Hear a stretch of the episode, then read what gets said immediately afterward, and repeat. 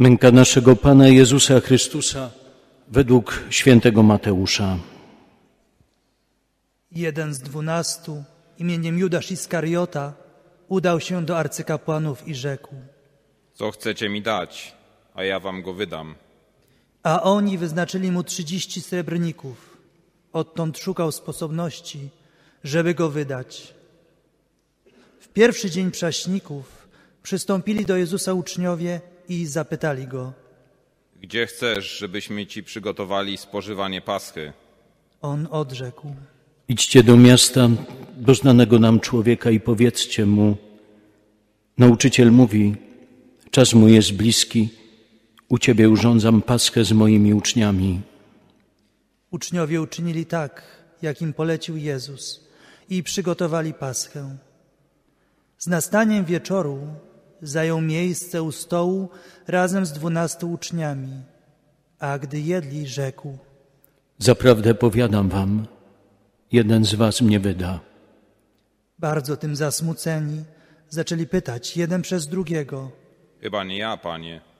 On zaś odpowiedział. Ten, który ze mną rękę zanurzył w misie, ten mnie wyda. Wprawdzie Syn Człowieczy odchodzi, jak o nim jest napisane, lecz biada temu człowiekowi, przez którego Syn Człowieczy będzie wydany.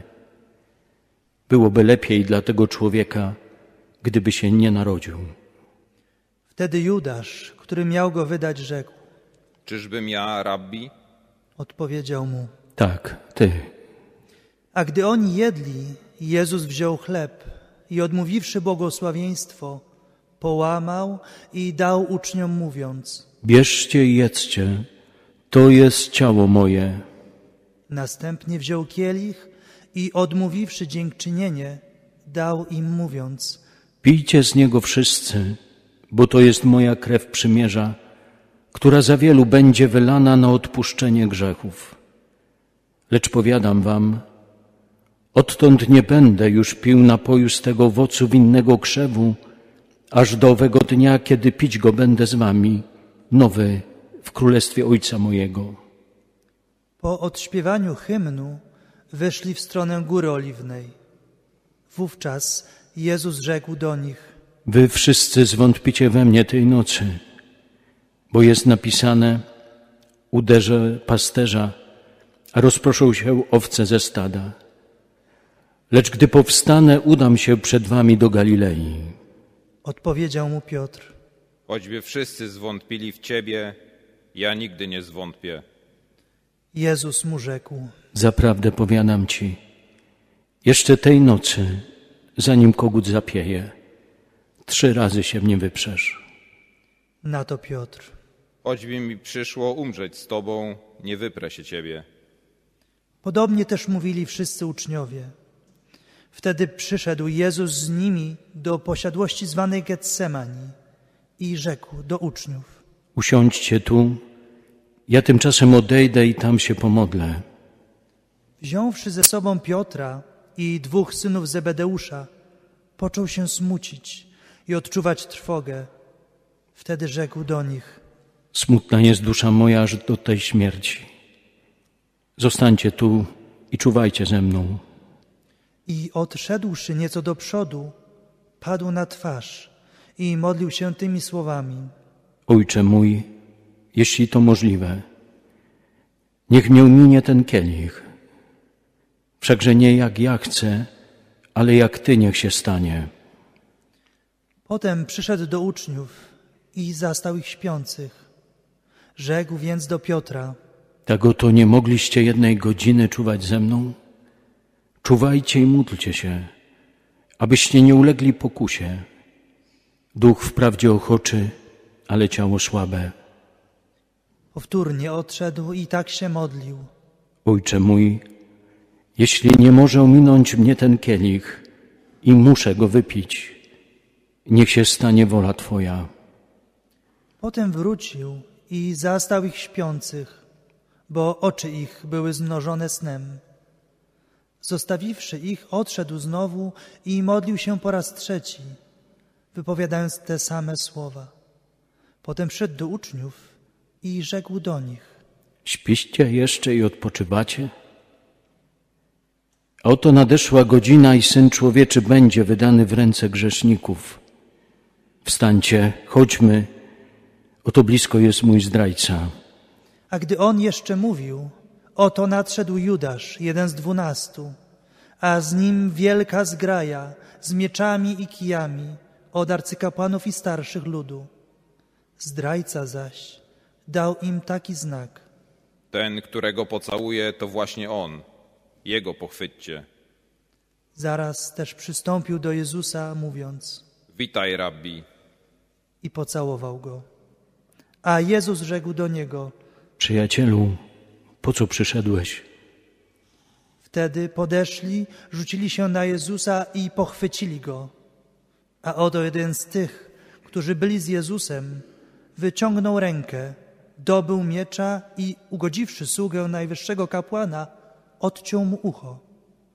Wtedy Jezus rzekł do niego: Włócz mie, włóż miecz na swoje miejsce, bo wszyscy, którzy za miecz chwytają, od miecza giną.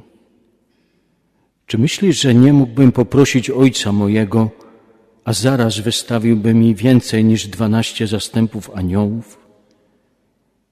Jakże więc wypełnią się pisma, że tak się stać musi? W owej chwili Jezus rzekł do tłumów: Wyszliście z mieczami i kijami jak na zbójce, żeby mnie ująć. Codziennie zasiadałem w świątyni i nauczałem, a nie pochwyciliście mnie. Lecz stało się to wszystko, żeby się wypełniły pisma proroków. Wtedy wszyscy uczniowie opuścili go i uciekli.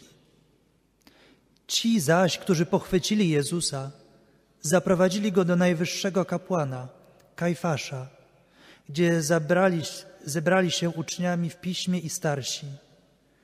A Piotr szedł za nim z daleka, aż do pałacu najwyższego kapłana.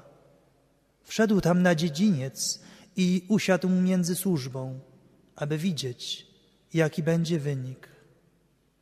Tymczasem arcykapłani i cały Sanhedryn szukali fałszywego świadectwa przeciw Jezusowi, aby go zgładzić. Lecz nie znaleźli, chociaż występowało wielu fałszywych świadków. W końcu stanęło dwóch, mówiąc: On powiedział: Mogę zburzyć przybytek Boży i w ciągu trzech dni go odbudować. Wtedy powstał najwyższy kapłan i rzekł do niego: Nic nie odpowiadasz na to, co oni zeznają przeciwko tobie?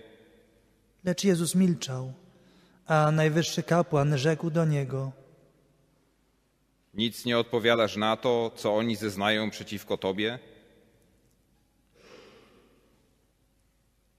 Jezus mu odpowiedział: Tak, ja jestem Mesjaszem, Synem Bożym.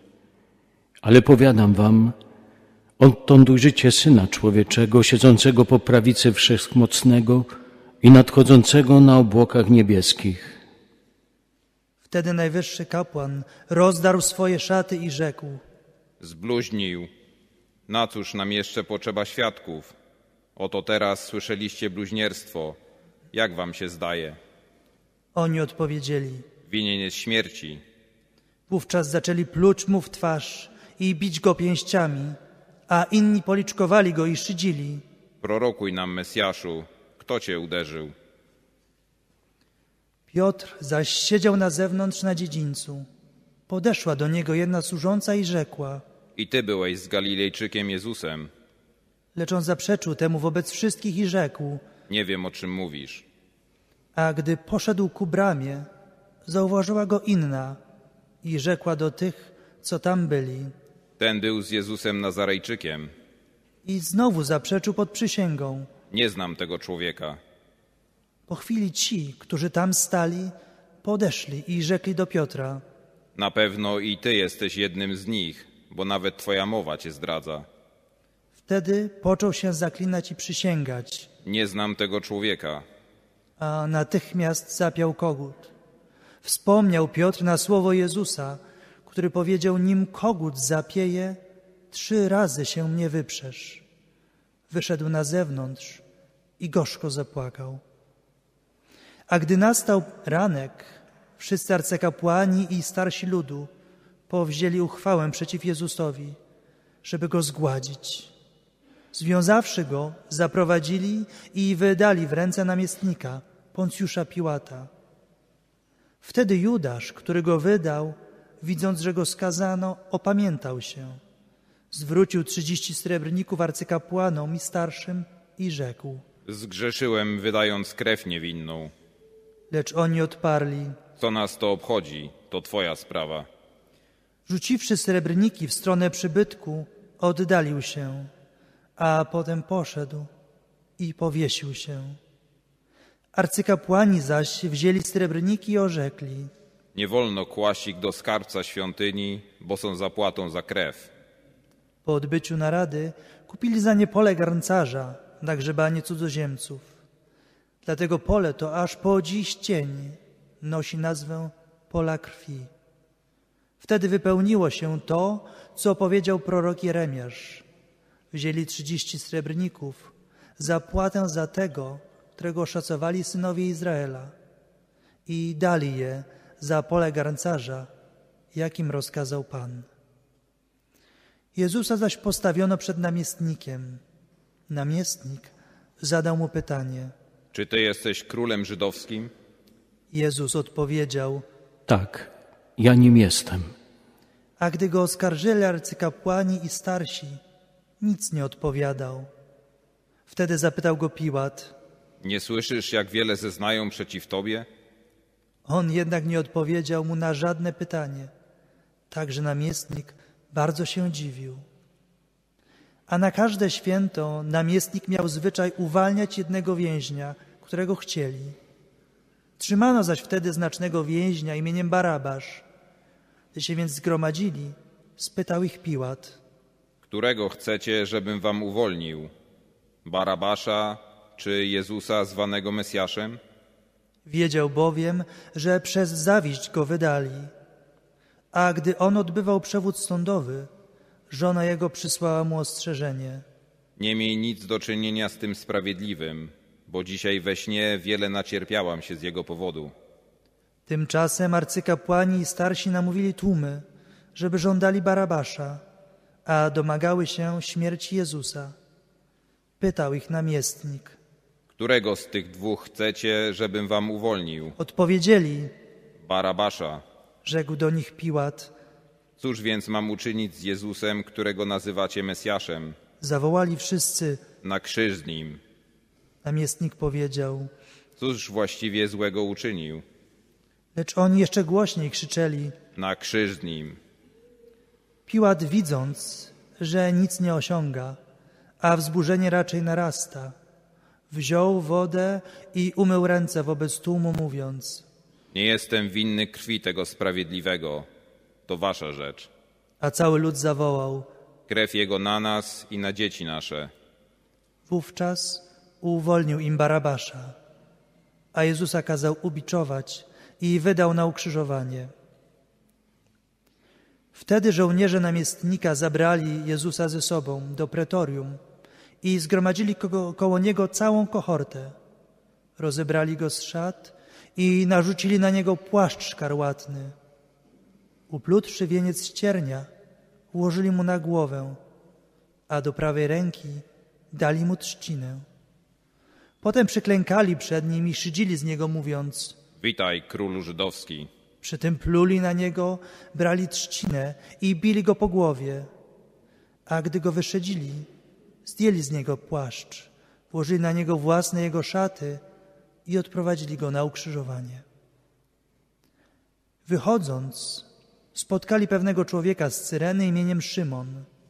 Tego przymusili, żeby niósł krzyż jego. Gdy przyszli na miejsce zwane Golgotą, to znaczy miejscem czaszki, dali mu pić wino zaprawione goryczą. Skosztował, ale nie chciał pić. Gdy go ukrzyżowali, rozdzielili między siebie jego szaty, rzucając o nie losy. I siedząc tam, pilnowali go. A nad głową jego umieścili napis z podaniem jego winy. To jest Jezus, król żydowski. Wtedy też ukrzyżowano z nim dwóch złoczyńców, jednego po prawej, drugiego po lewej stronie. Ci zaś, którzy przechodzili obok, przeklinali go i potrząsali głowami, mówiąc: Ty, który burzysz przybytek i w trzy dni go odbudowujesz, wybaw sam siebie. Jeśli jesteś synem Bożym, zejdź z krzyża.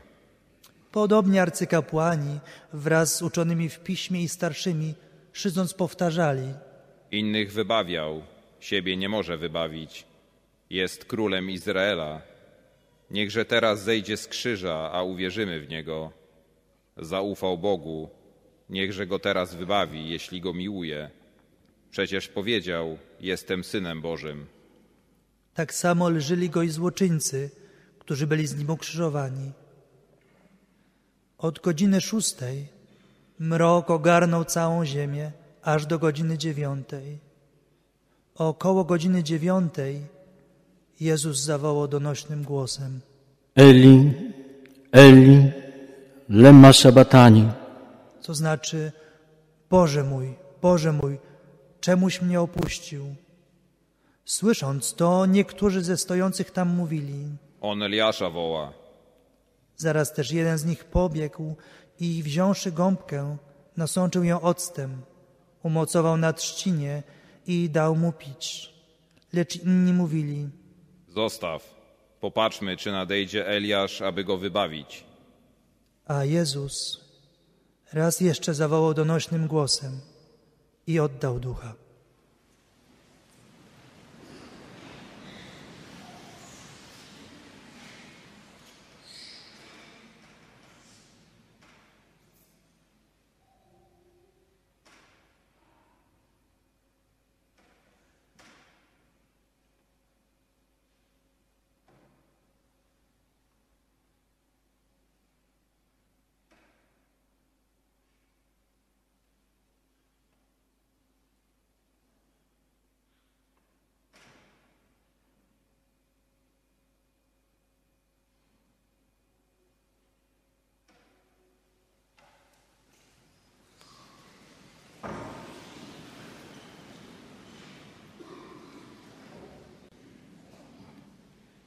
A oto zasłona przybytku rozdarła się na dwoje, z góry na dół. Ziemia zadrżała i skały zaczęły pękać. Groby się otworzyły i wiele ciał świętych, którzy umarli, powstało. I wyszedłszy z grobów po jego zmartwychwstaniu, weszli do miasta świętego i ukazali się wielu. Setnik zaś i jego ludzie, którzy trzymali straż przy Jezusie, widząc trzęsienie ziemi i to, co się działo, zlękli się bardzo i mówili. Prawdziwie, ten był synem Bożym. Było tam również wiele niewiast, które przypatrywały się z daleka. Szły one za Jezusem z Galilei i usługiwały mu. Były wśród nich Maria Magdalena, Maria, matka Jakuba i Józefa oraz matka synów Zebedeusza. Pod wieczór przyszedł zamożny człowiek z Arymatei imieniem Józef, który też był uczniem Jezusa. Udał się do Piłata i poprosił o ciało Jezusa. Wówczas Piłat kazał je wydać. Józef zabrał ciało, owinął je w czyste płótno i złożył w swoim nowym grobie, który kazał wykuć w skale. Przed wejściem do grobu zatoczył duży kamień i odszedł.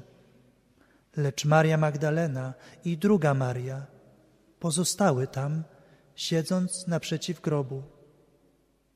Nazajutrz, to znaczy po dniu przygotowania, zebrali się arcykapłani i faryzeusze u Piłata i oznajmili.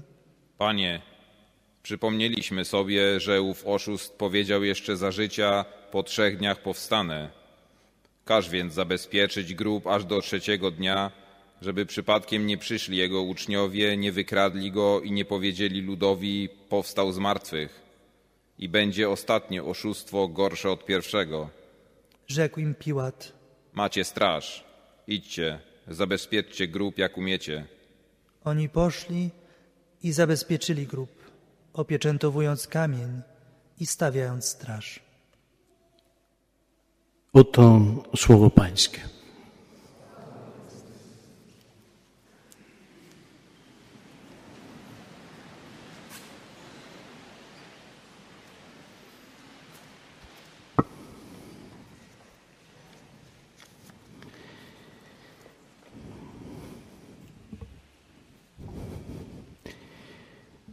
To jest dość nieprawdopodobne. Dziwne i zaskakujące, że w przeciągu 30 minut, jak zaczęliśmy tę Eucharystię, bardzo mocno i diametralnie zmienił się nastrój. Od, od Hosanna po ukrzyżuj, od gałązek oliwnych, bazi, nie bazi, różnych, nieważne. Po szorstkość krzyża. A cała ta historia miała się skończyć, że poszli, zabezpieczyli grubo, pieczętowując kamień i stawiając straż. Tak miała się skończyć ta historia. Wiecie co? I tak jak w naszym życiu. Dokładnie można śmiało powiedzieć, że my również doświadczamy tych ekstremów. Z jednej strony radość, z drugiej strony smutek. Z jednej strony przyjaźń, która umiera i staje się rzeczywistością, której nie rozumiemy. Bo jak można zaprzeć się przyjaźni, miłości? Jak można wykasować całą pamięć o cudach? Jak można wykasować również to, że przecież nieliczni byli świadkami takich zdarzeń, faktów, nie opowieści, nie przypowieści, ale faktów, o których mówił nam Kościół, przypominał ostatnio w liturgii. I weszliśmy w ten wielki tydzień. Wielki od dzisiaj aż po niedzielę. Wielkie nie jest tylko triduum, ale to wszystko, co się wydarzy. Zobaczcie, że tak to jest, że w tym tygodniu wszystko umrze. Prawda umrze. Przyjaźń umrze. Bliskość umrze. Czułość umrze. Wszystko to, co wydawało, wydawało się nie do podważenia, cały świat wartości, o którym tak chętnie słuchano, i tęsknotę za nowym życiem, które On wlewał w ludzkie serca, po prostu to wszystko umrze. Pojawią się kłamstwa, pojawią się oskarżenia i pojawią się te słowa, stwierdzenia od Chrystusa, które padną w stronę każdego z nas, które nam nie pasują. A to dlaczego śpicie? Dlaczego nie czuwacie? Ani chwili? Naprawdę. Tak dla Was jestem ważny. Po to, że wszyscy go opuszczą, a przy grobie zostaną tylko dwie kobiety. Te, które najbardziej kochały. I to też jest nasze doświadczenie. W tym tygodniu też umrze również to, co wydawało się niepodważalne, niepodważalne w Piotrze. Tego pewność, że jest taki mocny, że jest taki nie do ruszenia. Okazuje się, że nawet skała jest do ruszenia i do zdruzgotania. A w tym tygodniu wydarzy się jeszcze jedna nieprawdopodobna rzecz. To napisał Mateusz w tej Ewangelii, przed którą słyszeliśmy. Jedyne słowa zachowane w Ewangelii, autentyczne, wiarygodne i brzmiące w języku Jezusa. Boże, Boże, czemuś mnie opuścił? Wiecie co? I tak sobie pomyślałem, że to jest nieprawdopodobnie straszne wołanie. Kto jak kto? Ale ten, który miał taką wieść z Bogiem, dotyka czy dopada go przepaść samotności nawet od samego Boga, Ojca. Mimo, że parę dni temu wrócił nad Jordan, tam gdzie był chrzest Jego i gdzie usłyszał, że jest Synem umiłowanym, teraz doświadczy rozpaczy śmierci, samotności, pustki. I zada pytanie, które może wielu nas też zadaje sobie w życiu. Dlaczego? Czemu? I po co to wszystko? I tak jak on, my też zmierzamy się z milczeniem, bo musimy poczekać na objawienie się prawdy, którą Bóg nam przygotował, mimo że musimy przejść rzecz, przez rzecz, która nas niepokoi, której nie chcemy.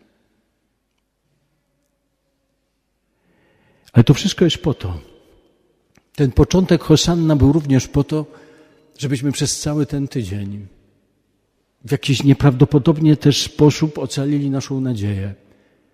Ocalili naszą wiarę i ocalili naszą miłość. Żebyśmy sobie w tych wszystkich chwilach przypomnieli to, że On jest królem i że do Boga należy ostateczne słowo. I to jest również ten czas i to miejsce, w którym urodzi się, czy zrodzi się na nowo życie, powróci bliskość, powróci wiara, powróci czułość. I jakby cała historia zacznie się od początku. I to On, i tylko On, żeby było jasno, zawiera z nami przymierze, nie my z Nim. To jest Jego dar. Gdzie On nie zawodzi, i to On się zobowiązuje. Że mimo tego wszystkiego On dochowa wierności. I to jest prawda o naszym Bogu, w którego chcemy wierzyć, który nas tutaj gromadzi. I tylko On zawiera to przymierze z nami. Nie sądzę, żeby ktoś tutaj się wychylił i powiedział: Ja też. I my to wszystko musimy przejść. Wiecie co? I chciałbym Was zaprosić do tego, żebyśmy nie popadli w jakąś rutynę, że my już jesteśmy na końcu. Że my już jesteśmy przy zmartwychwstaniu, że te wszystkie rzeczy to one tak nas spłyną jak woda po kaczce. Że my się tylko tak trochę przejmiemy tą Jego samotnością, tą Jego śmiercią, tym życiem, które oddaje za nas, którzy grzeszni jesteśmy i słabi i potrzebujemy Jego miłosierdzia. Jego najpiękniejszym imieniem jest miłosierdzie. Chciałbym Was zaprosić, żeby każdy dzień w jakiś sposób był przez nas takim dniem zatrzymania. Żebyście może wszyscy, razem wszyscy, żebyśmy usiedli na chwilę i dzień w dzień, krok po kroku, razem z Nim byli i wchodzili w tą tajemnicę. Bo możemy jej nie przyjąć i może nas w tej tajemnicy nie być. Możemy się pokazać w niedzielę zmartwychwstania i celebrować życie tak, jakby się nic nie stało. Tylko, że Jezus zmartwychwstał. Ale to jest inny czas. Więc chciałbym Was zaprosić do tego, żebyśmy może codziennie brali pismo w rękę i czytali dzień po dniu i wchodzili w to Jego konanie i w tą Jego ciszę. Chciałbym Was zaprosić też, można też ten czas tak przeżywać, że znajdziecie sobie jedną osobę, apostoła, z którym będziecie i który was przez to przeprowadzi i z nim przejdziecie tą drogę ku zmartwychwstaniu. Chciałbym was bardzo zaprosić do tego. W naszym polskim zwyczaju to jest, ja wiem, że jest to niemożliwe, ale może się uda. Niech ta Wielka Sobota nie będzie zabiegana, niech, będzie, nie, niech nie będzie tak rozhukana. Niech ta święconka i wszystko nie przyćmi nam ciszy Wielkiej Soboty że Pan odszedł, żeby wskrzesić do życia ojca Adama.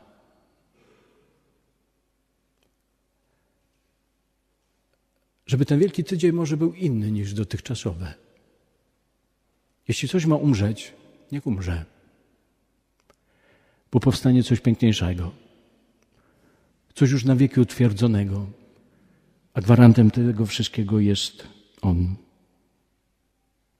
prawdziwy Bóg i prawdziwy człowiek. I wszystko, cokolwiek dotknie On w tym tygodniu, dotyka również każdego z nas. I chyba nikt z nas nie może powiedzieć, że to jest Bóg, który nas nie zna, który nie wie, co to znaczy. Być dotkniętym jakikolwiek cierpieniem, zdradą, oszustwem, oskarżeniem, pomówieniem, opluciem, wszystkim – Wszystkim co najgorsze, że nie chce się na niego patrzeć. Nie ten Bóg. Ten Bóg jest właśnie taki. Podobny do ciebie i do mnie we wszystkim, oprócz grzechu. My do niego jesteśmy niepodobni, bo jesteśmy słabi i grzeszni. Ale ten tydzień wszystkich nas ma zbudzić ze snu do życia, którego tak wszyscy przecież chcemy i pragniemy.